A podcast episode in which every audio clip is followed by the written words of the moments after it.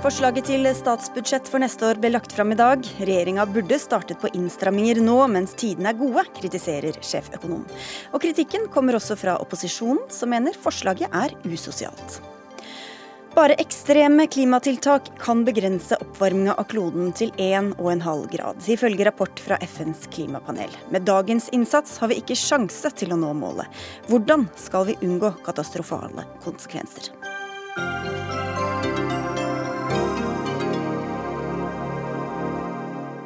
Det er disse to sakene, budsjett og klima, det skal handle om i Dagsnytt 18 i dag. Jeg heter Sigrid Solund.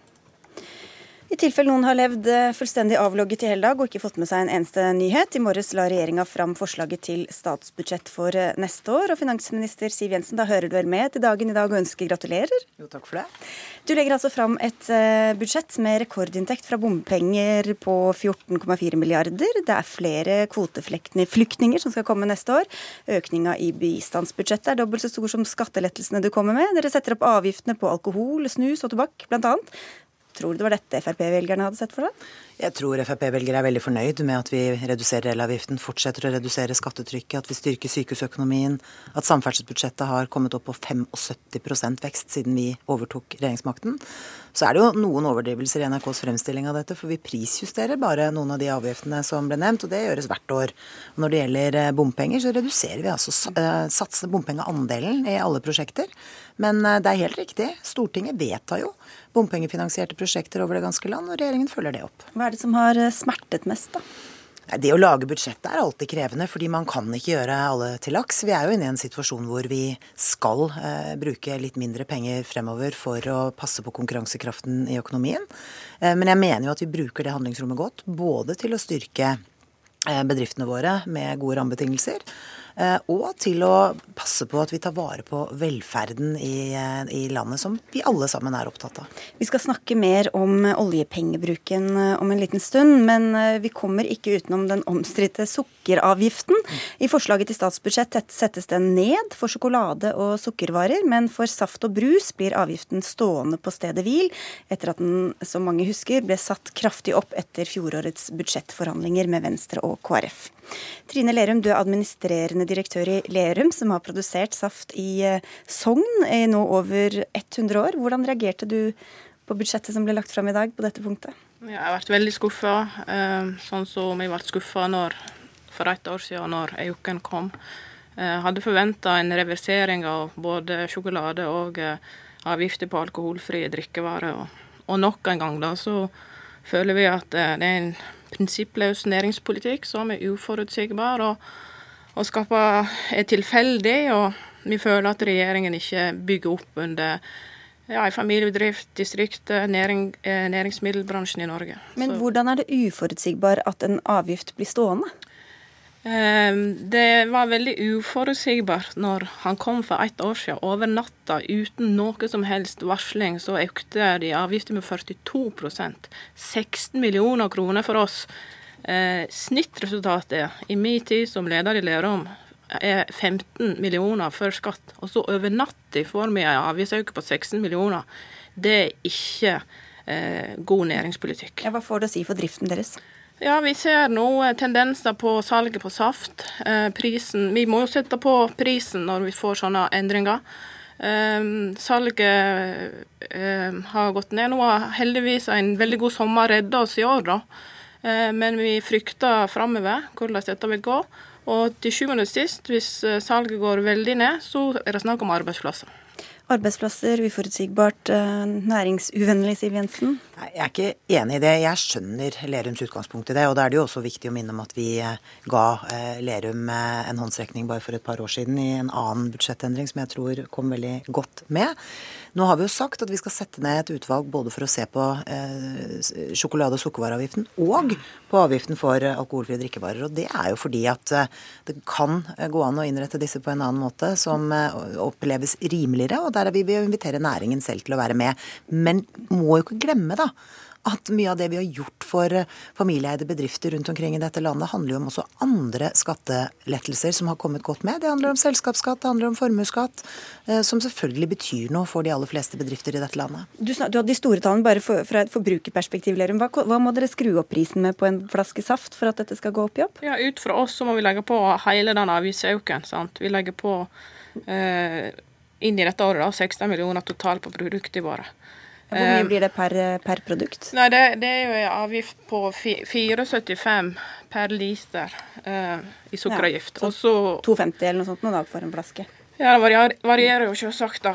Men, uh, men uh, det er jo Jeg vet ikke helt hva du sikter til, men poenget er at vi har nå en avgiftsbelastning på 60 millioner på saft. 20% av våre salgsinntekter på saft, saft er sukkeravgift. Og det er en utrolig stor utfordring for oss. Jeg har ikke noe problem med å forstå det fra Lerums perspektiv, men nå er det jo også villet politikk fra stadig flere partier på Stortinget at man skal få mengden sukker sukker i produktene ned. Og Derfor så vil jo vi, når disse utvalgene skal begynne å jobbe, se på en del helseeffekter Hvorfor har dere ikke gjort det i, for, i forkant, da? Hvis dette er Men, så uforutsigbart at kanskje bedriften må, vi, må, legge vi, ned, eller Nå må vi huske på at uh, den økningen som vi her snakker om, den kom til som en del av budsjettforhandlingene i Stortinget for et år siden. Regjeringen har jo i utgangspunktet ikke foreslått det, å gjøre dette. Dere gjennomfører det jo, Men så har vi jo sett uh, at det har vært utilsiktede effekter, ikke særlig på sjokolade- og sukkervareavgiften, og det er jo derfor vi nå reverserer den til 2017-nivå. Så skjønner jeg at eh, også saft- og brusprodusentene skulle sett at den reverseringen kom også for dem. Men eh, jeg vil si at det er et godt utgangspunkt at vi nå setter ned et utvalg for å se på hvordan vi kan innrette disse avgiftene bedre fremover. Og det er altså ingen skjerpelse eh, for, Nei, for dem dette året. Og det er andre lettelser som jeg vil tro er bra for norsk næringsliv. At vi reduserer selskapsskatten videre. Vi fortsetter å gjøre grep i formuesskatten. Ta, ta med en og gi med en. Okay. For det skal veldig mye til i reduksjon av de skattene finansministeren nevner nå for å for å vege opp for 16 millioner ekstra i saftavgift. Og en ting til. Vi betaler òg full avgift på saft uten sukker. Ja, for det er en av de litt usaklige uh, innretningene som vi skal se på. Det er en av grunnene til at vi setter ned dette utvalget, sånn at vi kan rette opp i det. Men, men vi skal få inn en tredje person. Ja, veldig kort, da. Det burde vært satt ned for lenge siden. og Jeg skjønner ikke at de ikke reviserer begge avgifter nå for de skal også sette nytt et utvalg på sjokolade. Så det er mm. ikke sammenheng i det de driver med politisk. Nei, skal vi, du skal få kaste deg på her, Trygve Slagsvold Vedum, leder for Senterpartiet. For dette var en av sakene som dere reagerte på da budsjettet ble lagt fram i dag også. Ja, det var det. For jeg mener at det er helt uholdbart, den politikken som Fremskrittspartiet og Høyre her eh, løfter fram. For at I deres eget budsjett så skriver de at den 350-kronersgrensa, som er da for nettfri handel til Norge, skriver de at det er utfordring for norsk handelsnæring eh, og for norsk næringsliv. Det skriver Siv Jensen i sin egen proposisjon. Det viderefører hun. Og så Samtidig så viderefører hun da et skyhøyt avgiftsnivå for eh, norsk bryggerinæring og norsk næringsmiddelindustri.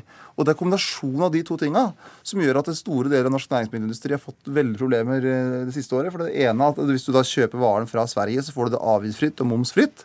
Men kjøper du det da i en norsk butikk av en norsk produsent, så får du maks avgift og ja, maks moms. Men du får jo det på Coca-Cola-produkter også. De skiller vel ikke mellom hva du kjøper av, av noe som er laget på, i distriktene, eller noe som Nei, er kjøpt fra Coca-Cola Coca-Cola Norge stoppa jo en investering på 100 millioner kroner på Lørenskog eh, tidligere i år, nettopp fordi at den, den avgiftspolitikken gjorde at Coca-Cola Norge ikke ville ha den investeringa. Altså det, det, er ikke bare de små, sånn som Lerum, som blir ramma.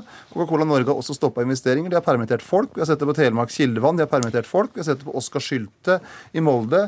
De, gått, de, går med underskudd, og de kommer til å gå med større underskudd i år, selv med det varme sommeren som har vært i år. Så du ser både de store og de små produsentene har fått problemer, og det, og det er, blir tap av arbeidsplasser og tap av norsk verdiskaping. Er, er, dette næringspolitikk, eller er det helsepolitikk, eller hva er egentlig liksom grunn, grunnlaget for at dere har videreført denne avgiften? Altså, dette handler jo om å finne rom i budsjettet eh, til alt det vi skal satse på. Nå har jeg jo hørt opposisjonen i dag eh, ønske mer til de aller fleste formål. Altså Det er ikke noe og, saklig grunn for den? Nei, egentlig. men du vet at hvis opposisjonen skal klare å finansiere alle de utgiftsøkningene som de har tatt til orde for i løpet av dagen, så betyr det ganske mye, ganske kraftige skatteskjerpelser både for næringsliv og vanlige folk. Og jeg mener det er en dårlig idé. Vår politikk går i riktig retning. Vi fortsetter å redusere det samlede skattetrykket. Og jeg har lyst til å si, da, fordi at Vedum får jo til å svartmale dette ganske kraftig. Det går bra i norsk næringsliv. Det skapes flere arbeidsplasser nå enn på lenge. Men skjønner du at det kan virke eh, urettferdig eller uforutsigbart? Altså at det ikke er noen logikk jeg, i det? Jeg, nei, altså Nå er det sånn at sjokolade- og sukkervareavgiften fikk et mye større påslag i budsjettforhandlingene i fjor enn eh, drikkevareavgiften. Men jeg skjønner at det er en mager trøst for Lerum. Det forstår jeg. Men for meg har det vært viktig å få satt dette i system, sånn at vi en gang for alle får gått igjennom dette. For disse avgiftene har med jevne mellomrom vært gjenstand for diskusjoner, og få regjeringer har lykkes å gjøre noe med det. Og nå tar vi et grep. Inviterer næringene til å delta. Nettopp fordi de både kan beskrive problemet og være med på å finne løsningene. Og dere har også vært med på å øke sukkeravgiften tidligere, Slagsvold Vedum. Greit den gangen, men ikke greit denne gangen? Nei, altså, det er i hvert fall utrolig dumt å øke 43% ekstra på allerede høyt avgiftsnivå. Som dere hadde stått for? Ja, vi hadde også et for høyt avgiftsnivå, tror jeg egentlig. Og spesielt i kombinasjon med den 350-kronersgrensa. For det er, en, det er et oppskrift på å flytte arbeidsplassene ut fra Norge. Og norske politikere sin hovedjobb er jo å sikre forutsigbarhet for norsk næringsliv og norske arbeidsplasser. Og det er den miksen av at det er momsfritt og avgiftsfritt fra utlandet, men en veldig høy avgift i Norge og pluss moms på toppen, som gjør at det blir så krevende for sånne fabrikker som Lerum. Og det er ikke jeg som svartmaler, Siv Jensen. Jeg lytter til Lerum. Jeg lytter til oss. Jeg tror det er så mange som kjøper saft fra utlandet og liksom sitter og kjøper spesielt, det på nettet hjemme. Nei, men Brus er det veldig mye av det. Altså, det er blitt en, en kjempestort marked det å selge brusbokser til, til Norge pga. den momsfrie handelen. Så det er kanskje litt mindre saft, men vi vet i hvert fall innenfor bryggerinæringa totalt så har det blitt veldig stor utfordring at veldig mye av brusen nå selges over post istedenfor å selge i, i, butikk, som skaper arbeidsplasser og avgifter i og Norge. Men, og, og, det er der Siv Jensen ja. bommer så fælt, for at du har hatt en så uforutsigbar avgiftspolitikk. Og Siv Jensen ja, men, har krevd mye det. mer avgifter av norske folk enn noen annen finansminister. Du svarte ikke helt på det, Siv Jensen. Du sa at det skulle settes ned et utvalg. Nå har vi i ett år snakka om hvor skeivt denne avgiften slår ut. ikke sant? At det er ikke noe saklig hvorfor noen skal ha et sånt påslag og andre ikke. Hvorfor har dere ikke gjort det i løpet av dette året, sånn at dere nå kunne gå inn i budsjettet med at her har vi et saklig og fint uh, avgiftsnivå? Dette, dette arbeidet tar litt tid, og så må vi ha litt respekt for de budsjettavtaler vi også inngår med andre partier. Men jeg, jeg lytter også, eh, Vedum, til både Lerum og andre. Jeg har fått med meg hva de har sagt, og jeg mener det er viktig nå at vi klarer å få et utvalg til å jobbe hurtig. For det er ikke meningen at de skal sitte og jobbe i det uendelige. De skal jobbe såpass fort at vi eventuelt kan gjøre endringer allerede i forbindelse med statsbudsjettet for 2020. Men jeg har også lyst til å si at denne påstanden om at alt er så uforutsigbart, det er jeg ikke enig i. Retningen både i næringspolitikken og den økonomiske politikken har bidratt til eh, at vi nå har god vekst og en bredt anlagt investeringsvilje over det ganske land, og det skal vi glede oss over. Lerum. Eh, det er bra at det blir satt ned et utvalg, men de bør òg reversere avgifter på alkoholfrie drikkevarer. For det jeg lurer på, er hvorfor reviserer de på sjokolade og ikke på alkoholfrie drikkevarer? Det svarte jeg nettopp på, eh, bl.a. fordi at vi må prioritere, vi også, i et budsjett. Eh, og da var grensehandelen større på sjokolade, er det sånn å forstå? Ja, men der, som jeg sa i sted, der var avgiftsskjerpelsen mye, mye større. Og utslagene ble forsterket. fordi der har du sånne den, Det er jo i utgangspunktet en avgift full av eh, dumskap, og den har vært der siden den ble innført for mange tiår siden. Som gjør at du nå fikk forsterket effekten av at du har ulik avgift på en marsipanrull og en marsipangris.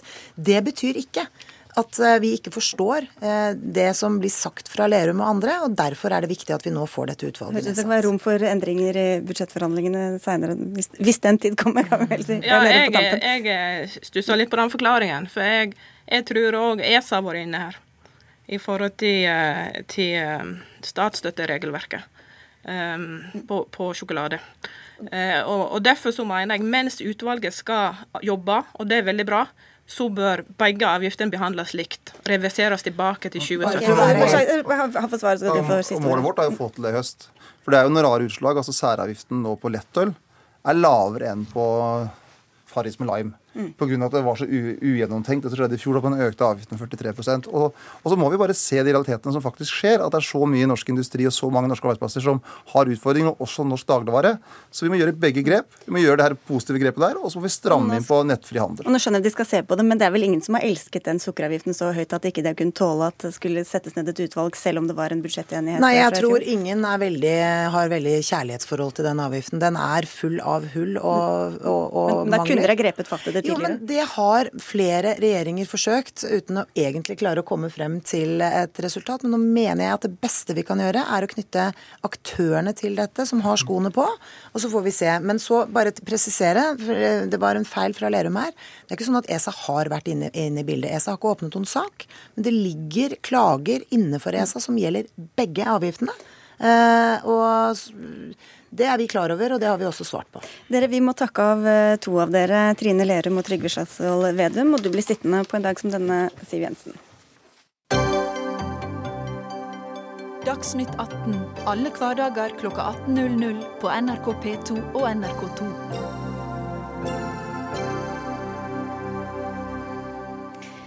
For vi skal fra noen kroner mer per saftflaske til noen ganske andre summer. Regjeringa foreslår å bruke, hold dere fast her nå er det mange tall som kommer, mer enn 231 milliarder oljekroner i neste års statsbudsjett. Og det er 4,5 milliarder mer enn på årets budsjett. Og det tilsvarer 2,7% av de pengene som man antar kommer til å stå på konto i Pensjonsfond utland, eller altså oljefondet, ved årsskiftet. Dette er også godt innenfor handlingsregelen på 3% Men Kjersti Haugland, sjeføkonom i DNB Markets, Likevel så mener du at regjeringa bruker for mye av oljefondet. Hvordan er du kommet til den konklusjonen? Ja, Det handler jo litt om hvor en skal legge lista her. Det er klart det at et svulmende oljefond eh, det har jo tatt seg voldsomt opp i verdi det siste tiåret. Eh, Pga. veldig sterk avkastning i eh, finansmarkedene, pga. en veldig svak krone, så har oljefondet blitt veldig veldig stort. Og Da er denne handlingsregelen, som nå er på 3% den er ikke så veldig vanskelig å holde seg innenfor. Det er vel ingen politiske partier som mener at en faktisk skulle lagt seg på 3% i dagens situasjon. Det ville rett og slett blitt veldig veldig mange penger å over budsjettene. Eh, så at regjeringen holder seg innenfor handlingsregelen, godt innenfor, på 2,7 da, av fondets verdi, det tenker jeg det er bra, men det er ikke imponerende. Eh, vi har noen langsiktige eh, inndekningsbehov i norsk økonomi i over statsbudsjettene. Vi har et, et stort utgiftsberg som har bygd seg opp på statsbudsjettet, som kommer til å svulme videre opp i tida som kommer blant annet, og det er veldig viktig pga. at vi har en aldrende befolkning. Og Dette er ikke noe som regjeringen er uenig i. Dette står det veldig tydelig i statsbudsjettet i dag, at uh, her kommer gapet mellom økende aldersrelaterte utgifter framover til å, og nettopp da, eh, hvor masse oljepenger vi egentlig har til rådighet innenfor handlingsregelen, det kommer bare til å bli større og større i tida som kommer. Og hvorfor da ikke ta grep nå, når ja, norsk det, økonomi Det er de framtidige generasjoner som må lide og, og knipe inn der hvor vi ikke gjør det. Det er nettopp det de må, og politikerne i framtida, om ti års tid, kommer til å bli stilt overfor veldig tøffe valg. Siv Jensen, fortsatt finansminister. Du sa i finanstalen din at de valgene vi tar i dag vil forme framtida vår. Så hvor god samvittighet har du da med tanke på de kommende generasjonene? Svært god samvittighet. Må vi huske at eh, fondet legger på seg, vokser. Eh, vi har satt av penger til eh, fremtidige generasjoner. Og vi har sakket på farten i bruk av oljepenger både for neste år, men også inneværende års budsjett. Det øker ikke like mye som før? Nei, og det har jo en sammenheng med at det går bra. Når det går bra i norsk økonomi, så gir vi mindre gass. Vi ga mye gass i finanspolitikken finanspolitikken i forbindelse med oljeprisfallet, det var for at vi raskest mulig skulle komme oss ut av det. Nå har vi gjort det. Nå er norsk økonomi oppgangskonjunktur. Da bruker vi mindre penger enn vi kunne gjort. Og det er riktig, fordi nå må veksten komme i privat sektor, og derfor har vi lagt an et nøytralt budsjett, som jeg registrerer at de aller fleste makroøkonomer som har kommentert på dette i dag, mener er helt riktig. Men hva i den virkelighetsbeskrivelsen er du ikke er enig i, da? Nei, altså Kjersti Haugland har helt rett. Vi definerte jo mange av disse langsiktige utfordringene da vi la frem perspektivmeldingen før valget, hvor vi pekte på mange av de utfordringene vi står overfor. Men da handler det jo om å gjøre flere ting på en gang. Svaret på dette ligger jo ikke isolert i om en milliard eller to ekstra eller mindre i oljepenger. Det handler jo om hvordan vi bruker de store pengene på et budsjett.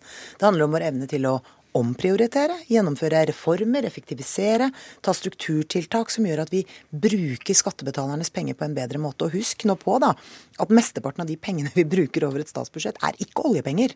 Det er skatteinntekter fra bedrifter og husholdninger. Og da skylder vi eh, rett og slett vanlige folk at vi bruker de pengene med kløkt. Men så ser jo jeg vi har jo foreslått noen budsjettprioriteringer også i år. Eh, det er jo det første opposisjonen kritiserer. Det å gjennomføre reformer er ingen enkel affære, men denne regjeringen har gjort mye av det, og vi kommer til å fortsette med det fordi det er nødvendig. Og det er ingen, eh, så vidt jeg kan huske, i hvert fall i fjor, som, som foreslo mindre bruk av uh, oljepenger. Det er på litt tynn is her, Haugland, men dette er jo da en, ikke, ikke, en kritikk som sådan av Siv Jensen, men hele det politiske landskapet? Det er det. Jeg registrerer heller ikke i dag at det kommer noen innsigelser fra de andre politiske partiene. for at oljepengebruken er for stor. Eh, dette er jo et generelt problem som jeg føler at vi som økonomer er programforplikta til å peke på. Fordi det er så lett å tenke i dagens situasjon, her og nå, så er det rom innenfor handlingsregelen å bruke alle disse pengene. Men det vi ikke tenker på, er at ti år fram i tid, hvis vi ikke begynner å snu tendensen med fravær av tøffe prioriteringer, så kommer vi til å måtte øke kraftig skattenivået eller kutte kraftig på utgiftene for å få det hele til å gå i hop. Hvis vi ikke skal putte, eh, stikke hull på sparegrisen vår, altså oljefondet. Og hvis vi ser på hvem som faktisk kritiserer regjeringa for, for, å bruke for mye, så er det jo ungdomspartiene ganske sånn tverrpolitisk. Hva sier det deg, Siv Jensen, at de er så kritiske? Nei, jeg er jo veldig glad for at uh, ungdomspartiene er opptatt av perspektivmeldingen, for det handler jo om å ha generasjonsperspektivet. Men det har definitivt også regjeringen. Det er jo derfor vi har gjennomført mange effektive effektiviseringsreformer fordi det frigjør handlingsrom. Og så må vi jo ikke glemme, da.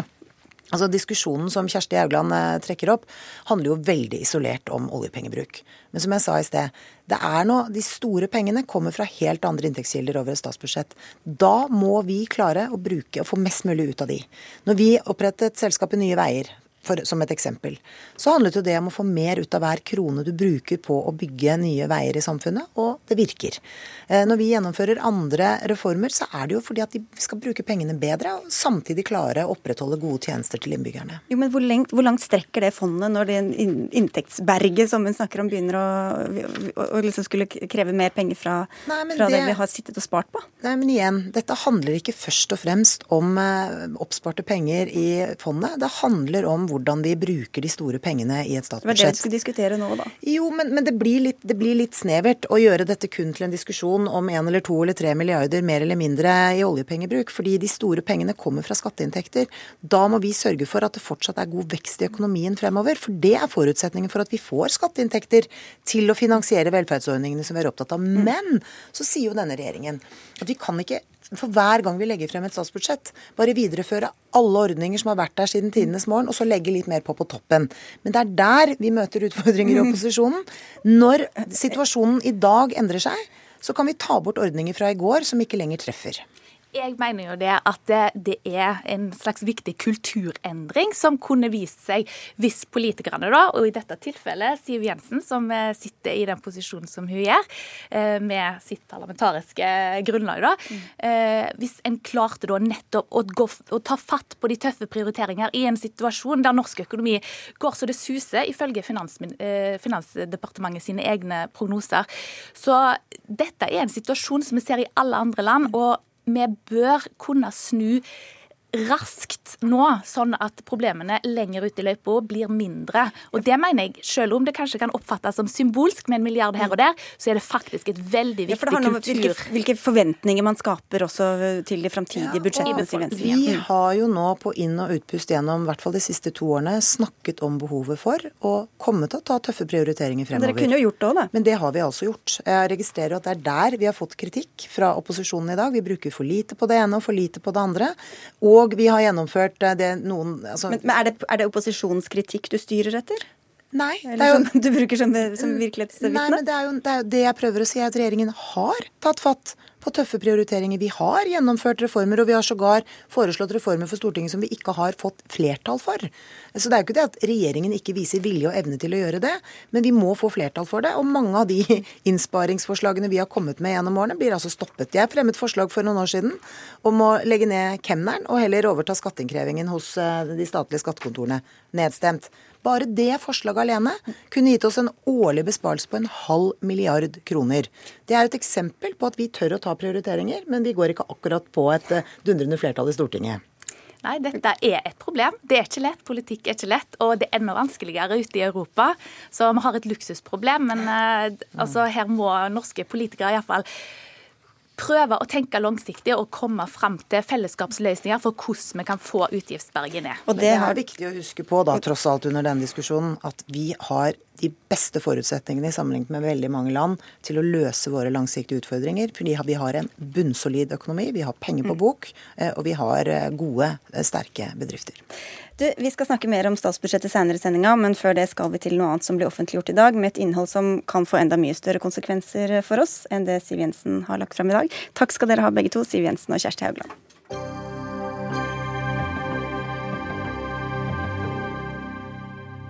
For klimatoppmøtet i Paris for snart tre år siden skapte optimisme og jubel i mange leire. En av grunnene til det var at landene ble enige om å forsøke å begrense den globale oppvarminga til 1,5 grader, og ikke to grader som tidligere var taket. Men ingen visste helt hva dette innebar, og siden 2015 har FNs klimapanel søkt å få svar på nettopp dette. I dag kom rapporten. Her slår de fast at det krever ekstreme tiltak, men at den halve graden i forskjell utgjør mye. F.eks. betyr det alt for korallrevene. Med halvannen grad har de en sjanse til å overleve, mens alle korallrev dør hvis jorda blir to grader varmere enn under før industriell tid.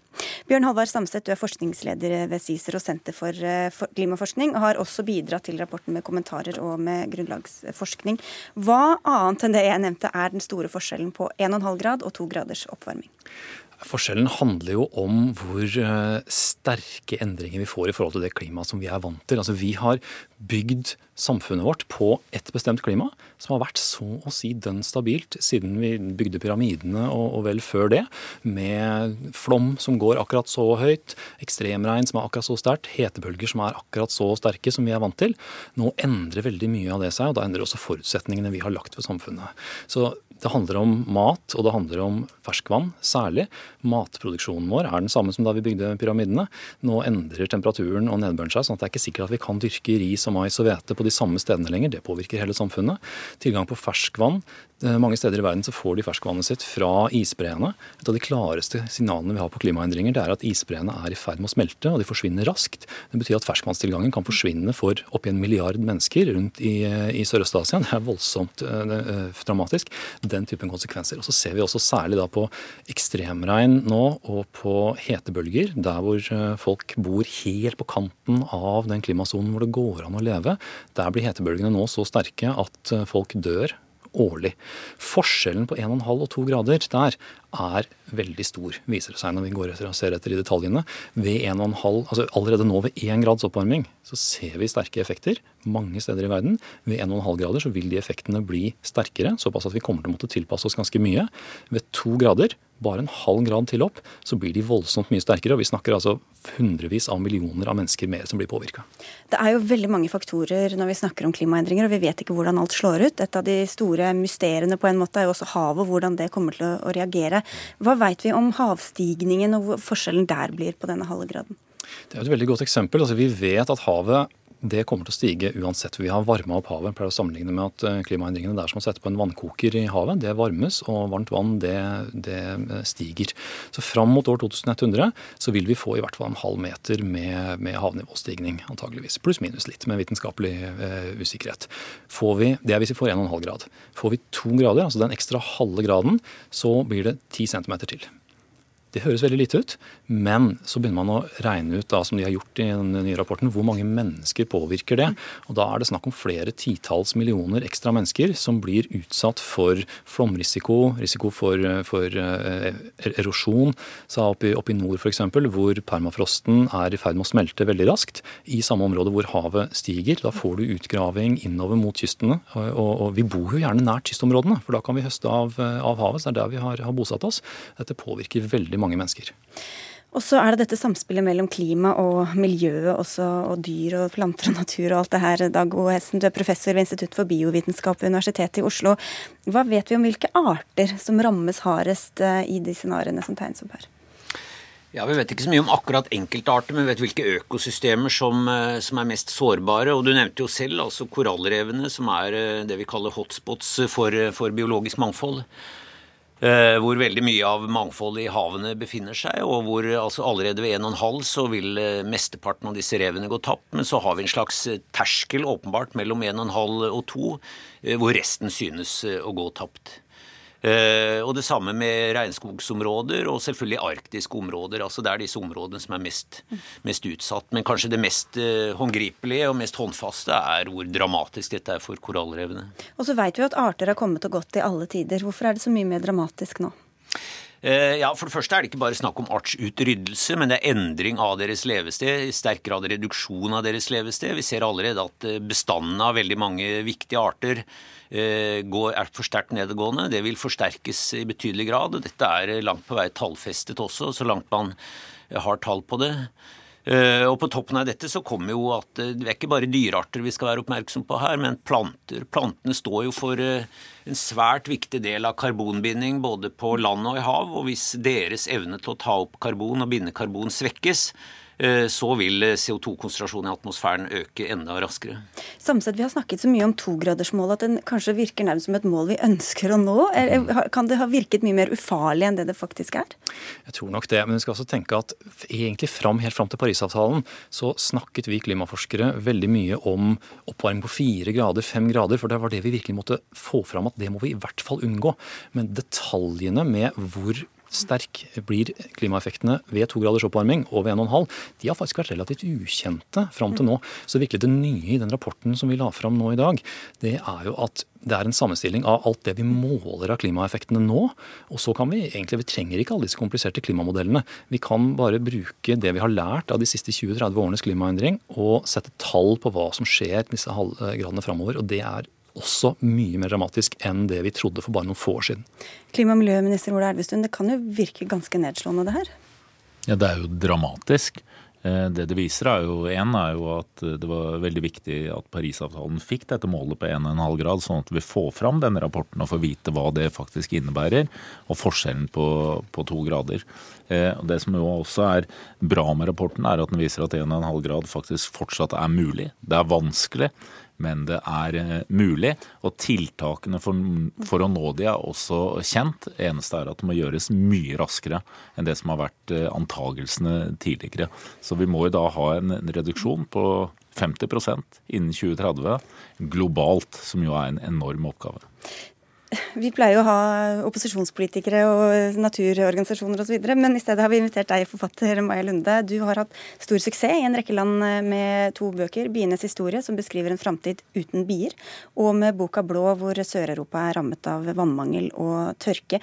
Da du skrev dette, hvor nærtstående og realistisk virket det, den, den virkeligheten du skisserte da? I 'Blå' så har jeg skildret eh, et scenario i 2041 eh, hvor Europa er rammet av en femårs Sør-Europa rammet av en femårstørke, og veldig mange har blitt drevet på flukt eh, som følge av den tørken. Og eh, da jeg skrev det, så følte jeg vel at 2041 var for kort frem i tid. Men etter bare de siste to årene så kjennes det jo som at det nesten er for langt frem i tid med et slikt scenario. Og det er ganske skremmende. Det er jo, som jeg sa, ofte at vi sitter og snakker med de samme organisasjonene og de samme partiene, men dette er jo noe som faktisk angår alle oss mennesker. Når du leser en sånn rapport eller, eller saker om den, hva tenker du, hva føler du da? Jeg blir jo innmari redd. Eh, og for meg så gir det seg jo utslag i at jeg fortsetter å skrive om det. Eh, og skrive romaner, fordi det er det jeg kan, og det er det jeg gjør. Og så får jeg jo så innmari lyst til at noen skal begynne å gjøre mye mer. Eh, og brenner etter at det skal tas tak på et overordnet plan, da.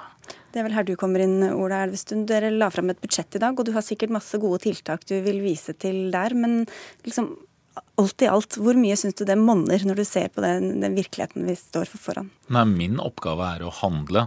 Det som er budsjettet i dag, den tar, den tar utfordringen med at vi tar tiltak på de riktige områdene.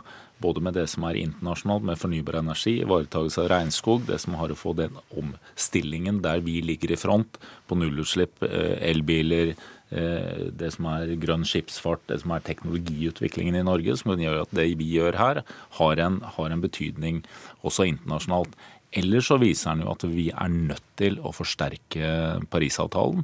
Så det understreker jo alvoret ved den forhandlingen vi skal ha i desember, som er vanskelig og at vi må melde inn alle land må melde inn sterkere ambisjoner til neste år, som skal meldes inn da til FN i 2020. Så de neste to årene, for å få de riktige, eller få ambisiøse nok eh, beslutninger, er helt avgjørende for å kunne nå 1,5 grad. Og Det er jo selvfølgelig noe som må løses globalt. Eh, men Maja Lunde, når du er ute og reiser og snakker med folk som er veldig opptatt av klima, hvordan oppleves det for deg å være norsk i de situasjonene? Eh, jeg skulle ønske jeg kunne være stoltere av Norge.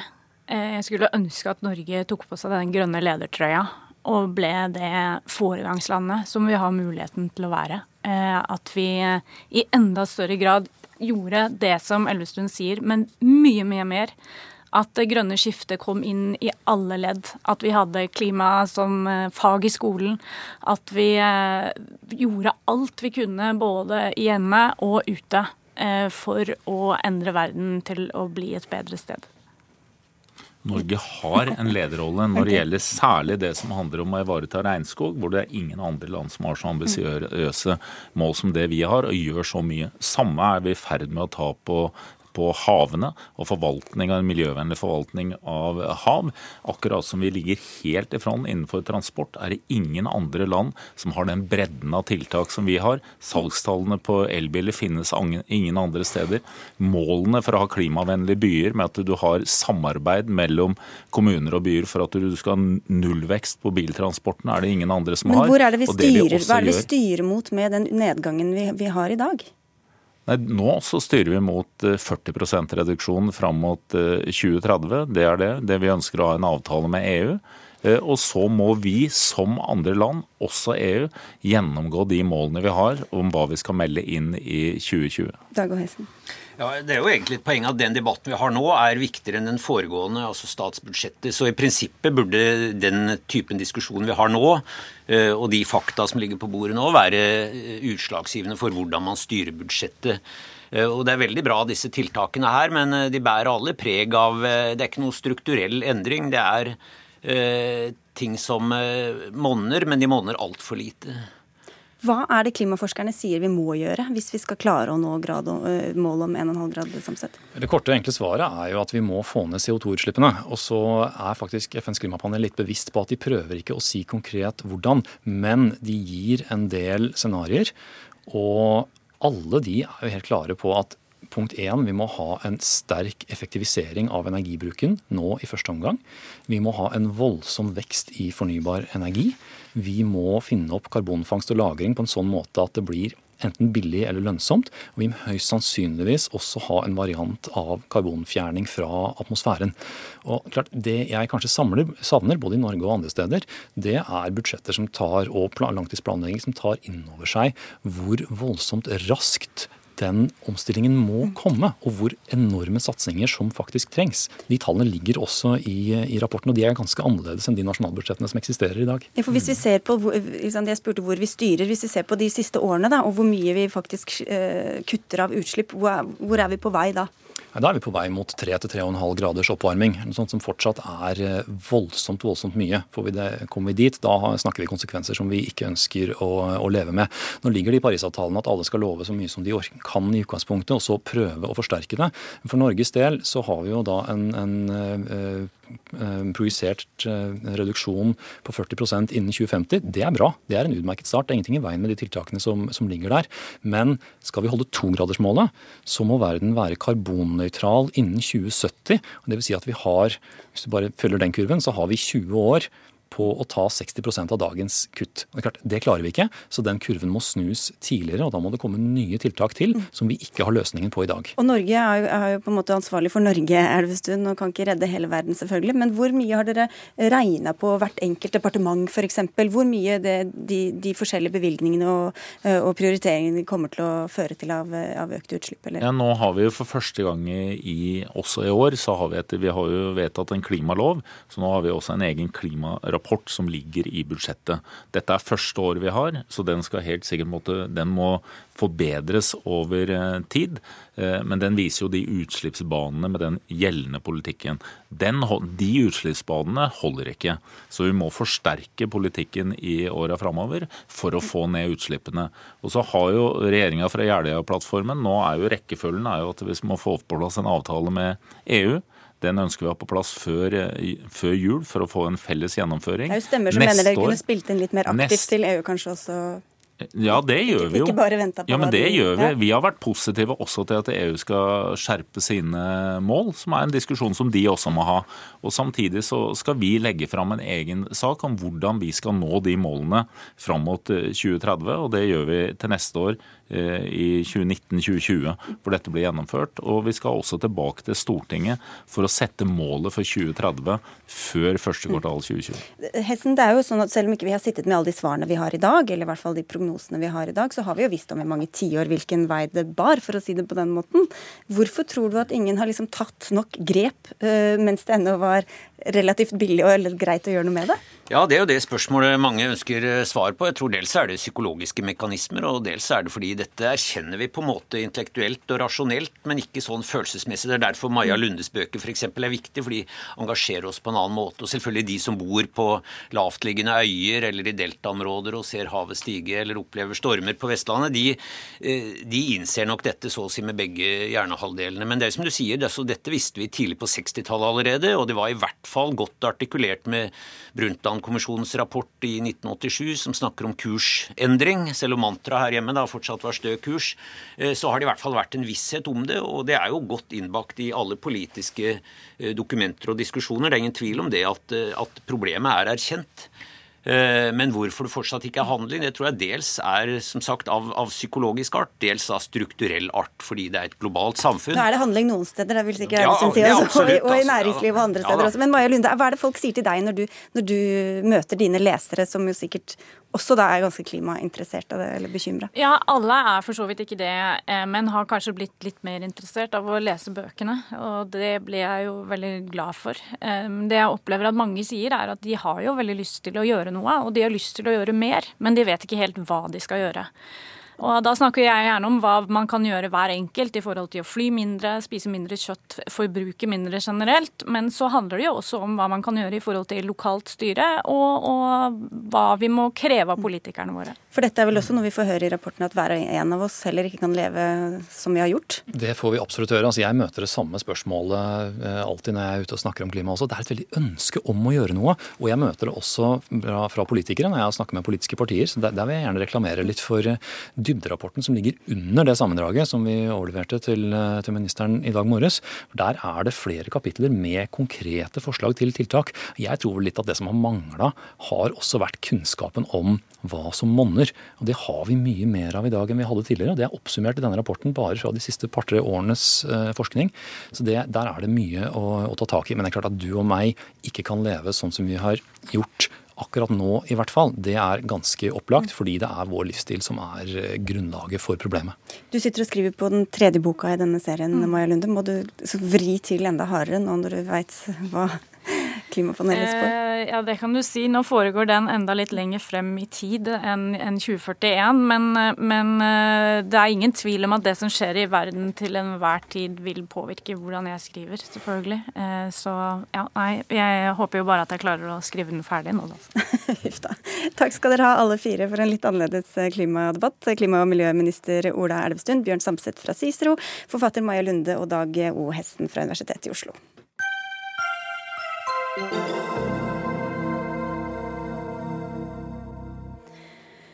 dette forslaget til statsbudsjett som Elvestuen nettopp snakket om, og som Siv Jensen forsvarte tidligere i sendinga, er avhengig av ett enkelt parti for å få flertall i Stortinget, og det er Kristelig Folkeparti. Men er det et budsjett som dere bør støtte, hvis vi nå først ser på dette vi nettopp har vært innom, nemlig klimapolitikk? Kjell Ingolf Ropstad, du er nestleder og stortingsrepresentant for KrF. Ja, altså En skal jo ikke legge skjul på at det absolutt er ting i budsjettet her på klima som er bra, men dramatikken i det som, som ligger, alvoret over klimaendringene, har jo bare i dag òg blitt nok en gang virkelig bekrefta. Derfor så kommer vi til å bruke god tid nå den neste måneden på, på å komme med enda flere tiltak for å bekjempe klimaendringene kraftigere enn det som ligger i budsjettet. Hva sier du Kari Kaski, stortingsrepresentant for SV? Nei, Jeg deler jo den oppfatninga i at det er det ligger liksom ikke noen ny klimapolitikk i det her budsjettet her. Og jeg tror nok vi må innstille oss på at i årene som kommer nå, så må hvert eneste statsbudsjett legge til grunn nye tiltak. Um, og vi ser også at utslippsframskrivningene viser at Norge kommer til å bryte klimamålene våre nå i 2020, 2030 og 2050. Uh, så, så, det er behov for flere konkrete klimatiltak. Derfor så har jo også SV sammen med Arbeiderpartiet lagt fram 37 konkrete tiltak for utslippskutt i industrien, i skipsfarten, i bygg, som, som er et symbol da, på at her går det an å få til noe mer. og Vi håper jo å få med oss de andre partiene på det. Vi skal slippe til Arbeiderpartiet snart, men for skams skyld får vi slippe til deg først, ja. Eh, Henrik Asheim fra Høyre og finanspolitisk talsperson eh, der. Eh, med det bakteppet vi nettopp har fått, hvor offensivt vil du si at dere går ut i budsjettet? Jeg mener dette er offensivt, og jeg er ikke enig med Kaski i at målet alltid er å bare komme på nye ting for å komme på nye ting. Altså De tiltakene som SV og Arbeiderpartiet har fremmet i Stortinget også, uh, ingen av dem kutter jo noen utslipp før 2020. Så jeg tror at det er ganske viktig at vi også gjør en hel del ting av det vi allerede gjør. Til at man har den regnskogsatsingen man har, som klima- og miljøministeren var inne på i sted, nemlig at vi kutter utslipp hjemme innenfor transportsektoren. Det er viktige tiltak vi gjør nå, og det gjør også at utslippene i Norge går ned. Vi var her og diskuterte disse punktene før helga. Jonas Gahr Støre, Arbeiderpartileder. Da sa klimapolitisk statsperson Espen Barth Eide at Arbeiderpartiet har gjort et slags linjeskifte i, i, klimapolitikken. Jeg vet ikke om du er enig i det? Jo, jeg er helt enig i det. Og jeg mener det er fordi det er helt nødvendig. Dere har ikke innsett alvoret før nå? Jo, men du ser jo alvoret og hastigheten i det som forandrer seg, og behovet for å gjøre konkrete ting det som vi etterlyser, og som det forslaget som eh, Kari Kaski trekker fram, som vi la fram sammen, det er jo konkretisering. Det er ikke for å komme med nye ting, men det er for å gå løs på å se hvordan kan vi kutte mer i transportsektoren. Hvordan kan vi sørge for at offentlige anbud virkelig legger klima til grunn. Hvordan kan vi sørge for at eh, byene eh, bygger mer kollektivtrafikk, og at nye byer kommer til. Vi må gå etter det hele veien. Og så er jo dette store overordnede at vi forhandler med EU. Jeg er veldig eh, uforstående til at vi nå har brukt tre år på å forhandle med EU for å klare å sette oss mål for det vi skal kutte hjemme. Og jeg mener at Det er bra med avtalen med EU, det er vi for, men nå må vi sette de målene slik at norske kvinner og menn og familier og næringsliv vet hva de har å forholde seg til når vi skal nå de store kuttene. og Da må vi også søke etter ny politikk, og det har vi vært med på å legge fram i Stortinget. For det var det jeg prøvde å være inne på i stad også. Det er jo ikke sånn at EU har bedt oss om å sitte og vente på at de skal komme med tiltak som vi skal eh, komme fram til, Henrik Asheim? Nei, og det hadde jo vært et poeng hvis vi satt bare og ikke gjorde noen verdens ting. Men hvis man bare leser det budsjettet vi foreslår nå, så er jo ikke det bare på utenlandet. Det er massevis også på innlandet. Norge har verdens reneste nybilpark. Flertallet av nye biler som blir solgt i Norge nå, er lav- eller nullutslippsbiler. Veldig mye går bra. Hvis du ser på EUs framskriving på transport, så ligger Norge under de utslippene som EU selv har bedt Norge om å gjøre. Sånn at, Noe av det som er litt sånn frustrerende med dette når man sitter i regjering, for helt ærlig, det er liksom at alle tiltak er aldri nok på klima. Jeg tror faktisk en del folk også trenger å høre at mye går bra, mange utslipp går ned. Eh, og det er faktisk noe vi får til på mange viktige områder. Samtidig så hørte vi at det vi driver med nå, da styrer vi mot en oppvarming på 3-4 grader. Mm. Og det er jeg helt enig i at det er ikke bærekraftig. ikke sant? Så vi må gjøre mer. Men noe av det som er med disse fremskrivingene også, en av de tingene som ikke ligger inni det, er f.eks. veldig spennende CCS-teknologi. Altså karbonfangst og -lagring. Yes, hvor vi da nå holder på med tre forskjellige prosjekter for å få, få det i gang. Får vi den teknologien teknologien i gang, så betyr det at industrien kan nå sine Paris-forpliktelser. Det er kjempespennende, men det er veldig vanskelig å legge det inn i en bane nå. Men jeg tror vi hele tiden må strekke oss lenger, og hele tiden også feire de tiltakene vi faktisk får. Okay, en kommentar til på hver av dere. Så. Den eneste grunnen til at, at klimagassutslippene dessverre går ned i Norge i dag, er jo fordi vi har så mye palmeolje og regnskog på, på tanken i transportsektoren. Og, og, jeg er helt enig. Sant, at jeg, jeg kritiserer ikke regjeringa for å kutte i eksisterende klimatiltak. For de viderefører den. Det hadde vært ganske så dramatisk hvis jeg skulle sittet her at de hadde kutta i klimatiltak, selv om de kutter bl.a. i skogvern. da. Men, men de, de, viderefører klimapolitikken. Så kritikken fra opposisjonen i dag går jo først og fremst på at vi ønsker oss mer. Vi er mer ambisiøse på klima for at vi ser at det er behov for det. Og vi har et tidsperspektiv her som er ganske kritisk. Sant? fordi at vi kan ikke bare vektlegge nå klimatiltak som gir de store effektene på lang sikt. Det må kuttes i morgen. Ja, og Da er det også eh, spørsmål om de virke, konkrete virkemidlene vi bruker. Jeg tror vi kommer til å støtte oss i å bruke mer penger på Enova, som er en fin ordning som har virket i flere år. Men vi må også gå mer detaljert til verks. Og Det som uroer meg, er at når du går ut på norske gater og i byer og bygder, så er folk uklare på hva er marsjordren, hvor skal det kuttes i de ulike sektorene. Og vi må nå begynne å våge å sette det. Det er riktig som Henrik Asheim sier, at det er ikke mulig å tegne kurver på teknologiutvikling. Men det er mulig å begynne å si til de ulike sektorene så mye må vi ned, de kuttene må vi ta i Norge. Det er det vi kaller ikke-kvotepliktig sektor. Det er litt sånn teknisk, men det betyr jo kutt vi skal ta her hjemme som ikke er omfattet av stort internasjonalt samarbeid. Og der burde dette budsjettet levert mer. Og En anledning er jo når vi skal se på de forslagene som vi har fremmet i Stortinget, som er en konkret mulig oppfølging for å skjerpe vår innsats. Det er jo ingen tvil om at en må komme videre på, på tiltaksnivå, men, men, jeg vil også si det i likhet med flere her, at Enova vil jo være et av de virkemidlene som vil bli ekstremt viktig, eller som er ekstremt viktig for å utvikle ny teknologi. Men samtidig må vi også tenke eh, internasjonalt, for det er globale utslipp. Eh, vi er helt avhengig av at andre land er med, men også der Norge kan ta initiativ. Henrik nevnte her eh, karbonfangst og -lagring. Det kan være viktig for å få ned utslipp i Norge, men det kan også være teknologi som kan eksporteres videre, sånn at en kan få enda flere klimautslipp ned. Men et annet viktig virkemiddel kan jo være å eh, jobbe videre med hvordan det kan sikre investering i ny fornybar energi i utlandet. Eh, de fattigste landene er helt avhengige av mer energi for å skape utvikling, og verden er helt avhengig av at de, de bruker fornybar energi istedenfor kull. Eh, så, så, her er det mange tiltak som vi kommer til å jobbe opp mot regjeringa, eller eventuelt den andre sida, når forhandlingene skal, skal settes i gang. Altså, det er jo på en måte litt uinteressant hva som har skjedd tidligere, men vi satt her og snakket om hvorfor vi ikke har handlet i løpet av de mange tiårene hvor vi har visst om dette, om ikke omfanget, så i hvert fall liksom sett ganske klart hvilken vei det bar. Og Da er det jo ganske naturlig å spørre deg også, Støre, med Arbeiderpartiet, som har sittet ved makten i alle disse årene hvis du skal være litt sånn selvkritisk på egen vi, altså, vi skal se hvor interessant det er å være selvkritisk da når vi skal se framover. Men jeg vil jo si at Gro Harlem Brundtland satt dette på tung dagsorden i Norge. Vi fikk Brundtland-kommisjonen, og vi gjennomførte tiltak eh, fra norsk eh, side. Vi har utviklet, som vi sier, vi har, fangst på, vi har skatt på CO2-utslipp i Nordsjøen. Vi har nå fått den rene elbilparken. Er dette selvkritikken? nei, men, nei, men altså selvkritikken er at vi må gjøre mer hjemme. Og så er det dette formidable at det er en internasjonal innsats som må til. Eh, og, og, da mener jeg at vi kan si at det, det vi har fått til med å gå foran på skogsatsing f.eks., det, det er bra, men vi må utvikle nye områder hvor vi kan gå foran. Og jeg tror dette med det vi får til nå på uh, transportsektoren, det ser jo verdens bilindustri at det faktisk er viktig. Men da må vi gå videre, for det handler også om tungtransport. Det handler om kollektivtransport, det handler om ferger. Jo, men selvkritikken er at da må vi komme opp med virkemidler der, for det er ikke nok det vi har i dag. Ok, Henrik Jo, men, altså, og jeg mener også, når det kommer til dette, nå skal jeg ikke forsvare Arbeiderpartiet, men, men, jeg mener at, men jeg mener at man kan snu seg rundt og se hvor ville vi vært hvis vi ikke har gjort alt det vi har gjort. Og de utslippene vi har i dag, er langt lavere enn de kunne ha vært hvis vi ikke har gjort det. Og jeg, jeg bare mener at vi må av og til glede oss litt over alt det vi har fått til. Og det er ganske mye. Og Norge er et foregangsland på veldig mye klimateknologi og på måter på å kutte utslipp både internasjonalt og i Norge. Vi må se på en annen sak, så ettersom du sitter så herlig plassert mellom dine to mulige sengekamerater. Vi er veldig glad i sånne samlivsmetaforer i pressen når det gjelder dere, Ropstad. Jeg tror ikke KrF er så glad i det. Nei, nei, nei. Bare kom med spørsmål. du. Ja, det går. Eh, det sosiale eh, aspektet ved dette, eller den sosiale profilen ved dette budsjettet, her har både SV og Arbeiderpartiet vært ute og, og kritisert.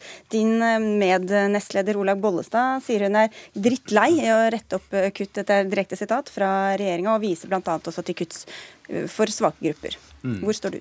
Eh, nei, altså, jeg ville vel kanskje ikke brukt de ordene, er ikke det som en skal si. Eh, men, men, eh, men ressurskrevende tjeneste, som, som Olaug Bollestad refererer til, er jo en gjenganger. Det ble kutta under de rød-grønne. Det ble kutta av tidligere regjering. Noen ganger har vi retta det opp i Stortinget, andre ganger ikke klart det. Og det, det, heldigvis så vil brukerne få tilbud, men det går utover bunnlinja på, hos kommunene. Og vi vet òg at i en del mindre kommuner så vil det være krevende, fordi at for å snakke åpent og ærlig, så, så vil en, en en, en, person som havner i en bilulykke, krever eh, enorm behandling og ressurser, vil kunne gå utover andre tjenestetilbud. Og Det er ikke en verdig måte å behandle de menneskene på. Så, så det har vært et av de kuttene som KrF har vært opprørt over, over lengre tid. Skal vi ta runden før vi slipper til Asheim igjen, da, hvis vi tar Kaski først? Ja, det er jo eh, i dette budsjettet også flere usosiale kutt, som det har vært egentlig i budsjettene de siste fem årene. Vi ser redusert utbetaling av dagpenger, det er kutt i fri rettshjelp, kutt i studentene, kutt i overgangsstønad for enslige forsørgere, og sånn, sånn kunne jeg fortsatt. Pluss at uh, regjeringa viderefører den såkalte ABE-reformen, som er flate kutt i offentlig sektor, som i realiteten er velferdskutt, som nå summerer seg opp til over 10 milliarder, og som går direkte utover budsjettene til sykehus, til, til høyere utdanning, til kriminalomsorg og domstolene. Og de har jo ropt alarm i, i, flere år. Yes. Mm. Og de har ropt alarm i flere år over at nå har vi ikke mer å effektivisere. Dette går direkte utover driften og vår mulighet til å gi gode tjenester. Og vi er veldig bekymra for de okay, Det var mange ting på en gang. Få se om du klarer enda flere. jo, men jeg skal ta, altså, Nordea de uttalte i dag følgende. Årets vinner er folk med lite lån, høy inntekt og hytte på fjellet. Taperne er barnefamilier i etableringsfasen med lavere inntekter og mye gjeld. Og det er ikke politikerne som sier dette, det er forbruksøkonomen som sier det. Det er en usosial profil. Men så er det jo slik at vi ser her i dette budsjettet, når vi sånn utpå dagen får lest gjennom dokumentene, er at det er fortsatt en rekke av disse smålige kuttene. Vi har kjent fra tidligere kutt i feriepenger til ledige, kutt i uføres barnetillegg.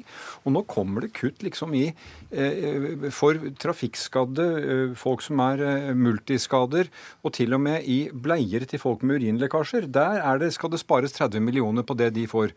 Dette eh, Hvorfor skal det ikke spares der, da? Jo, men altså, poenget er at hvem er det dette rammer, når du samtidig skal gi da hundrevis av millioner skattekutt? De kan vel ha høy inntekt, de? Jo, men, men eh, antageligvis er det klokt at vi hjelper de menneskene som lider av disse sykdommene, og det er noe velferdsstaten har stilt opp med. Det er solidarisk. Men poenget er dette er en profil i budsjettet som jeg mener vi bør eh, så Det er bra dere løfter fram, for det går litt utover de honnørordene som regjeringen har brukt i lekkasjer og i den første delen av denne dagen. Håper jeg får litt tid til å svare. Eh, hvor skal man begynne? Altså, mange av disse forslagene til Ja, ja, men ikke sant? Mange av disse forslagene her er det veldig rart egentlig at opposisjonen er kritiske til. Det at man reduserer dagpenger, kommer av at vi anslår at det er færre som skal permitteres. Altså Det er flere som kommer i jobb. Altså færre som trenger dagpenger? Ja. Når man eh, kutter i fri rettshjelp, så er ikke det fordi man kutter i fri rettshjelp til de som trenger fri rettshjelp. Det er fordi man anslår at det kommer færre asylsøkere til Norge som kommer til å trenge de tjenestene.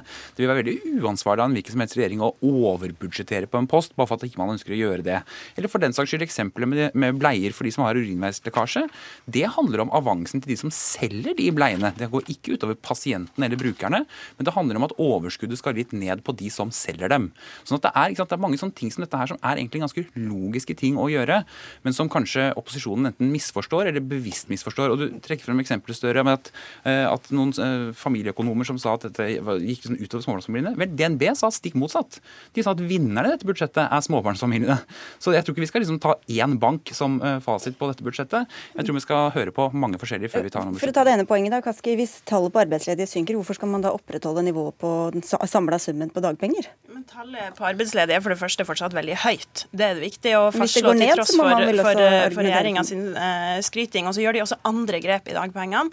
Uh, og jeg kunne også lagt til de kuttene som, som vi ser på arbeidsavklaringspenger og, og tilrettelagt arbeid. Så det er faktisk flere, til, uh, flere kutt som vi ser inne på et område der vi ser at det er både mange som står utenfor jobb, og mange som, som har falt utenfor arbeidslivet. Men altså, vi har en situasjon i dag der vi har en regjering som har funnet eh, råd til å gi nesten 300 000 kroner i snitt til, i skattelette til de 0,02% rikeste i befolkninga, samtidig som man da får de her velferdskuttene. Jeg syns ikke det er riktig prioritering. Nei, hvis vi bare ikke følger opp den, men vi følger opp en annen økonom som satt her litt tidligere, og som sa at alle politikerne er skyldige og ikke prioritere hardt nok. Og det går jo utover, den kritikken går utover alle dere som sitter her.